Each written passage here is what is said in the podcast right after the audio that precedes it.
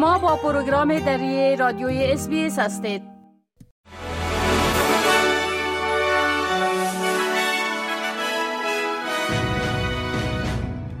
با عرض سلام من فضیلت تصمیم شما را به شنیدن مهمترین اخبار امروز دعوت می کنم. در اثر یک زلزله شدید در ولایت هرات افغانستان صدها تن جان باختند. زبیولا مجاهد سخنگوی حکومت طالبان از قول ریاست رسیدگی به حوادث طبیعی ولایت هرات گفته است که بیش از دو هزار نفر در نتیجه زلزله روز شنبه در هرات جان باختند. در گزارش از صدای امریکا آمده است که آقای مجاهد روز یکشنبه هشتم اکتبر گفته است که در مجموع در نتیجه زلزله روز گذشته در هرات 2053 نفر در 13 دهکده در هرات جان باخته و 1240 نفر دیگر زخمی شدند.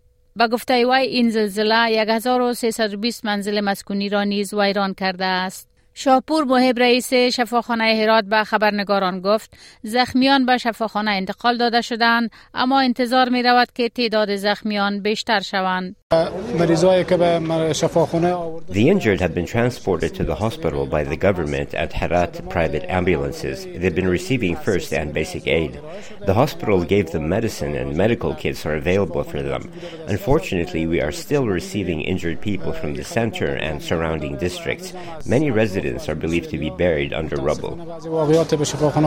اما انتظار می رود که تعداد زخمیان بیشتر گردد. شورای ملی امامان استرالیا از همه مساجد و امامان خواسته است تا خطبه های نماز جمعه 13 اکتبر را به صدای بومیان به پارلمان اختصاص دهند. این شورا در بیانیه اعلان کرد که از اعضای جامعه مسلمانان می خواهد به دلیل اهمیت عدالت در اسلام و روابط تاریخی طولانی مدت بین مسلمانان و مردم اقوام اولیه رای مثبت دهند.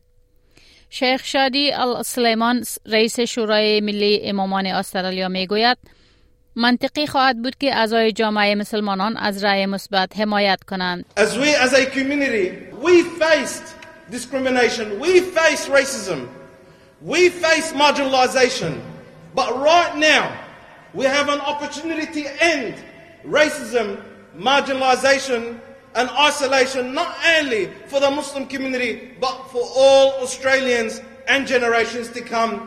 مقامات اضطراری در ویکتوریا از ساکنان جوامع آسیب دیده سیل برای پیروی از هشدارها در مورد خطرات سیل تشکر کردند اما هشدار می دهند که خطر هنوز هم با وجود کاهش باران ادامه دارد. ساکنان شرق ویکتوریا که در اوایل هفته با آتش سوزی مبارزه می کردن از روز چهارشنبه به این سو با خطرات سیل مواجه شدند. در اوایل امروز دو نفر از پشت بام یک موتر در آبهای سیلاب در شرق ویکتوریا نجات داده شدند. آخرین بررسی ثبات مالی بانک مرکزی نشان می دهد که تعداد زیادی از استرالیایی ها از درک قرضه مسکن با استرس مالی مواجه هستند. یک ارزیابی شش ماهه نشان داده است که صاحبان خانه با قرضه مسکن با نرخ متغیر پرداخت خانه های خود را تا 50 درصد افزایش دادند.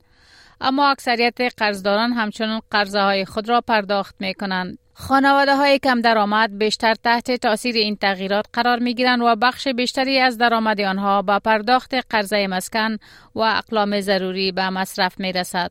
حکومت فدرال می گوید که در تلاش است تا مسئولیت استرالیایی هایی را که در حمله گروه اسلامی حماس به اسرائیل گرفتار شدند فراهم سازد.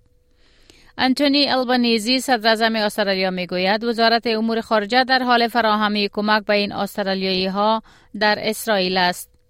استرالیا همچنان توصیه های سفر به منطقه فلسطینی غزه را محدود کرده و از ساکنین استرالیا خواسته است که به این مناطق سفر نکنند.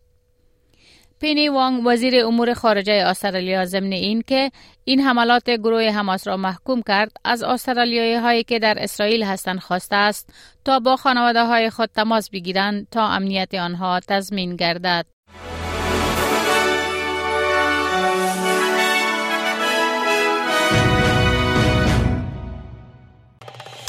بپسندید، شریک سازید و نظر دهید. اسپیس دری را در فیسبوک تعقیب کنید.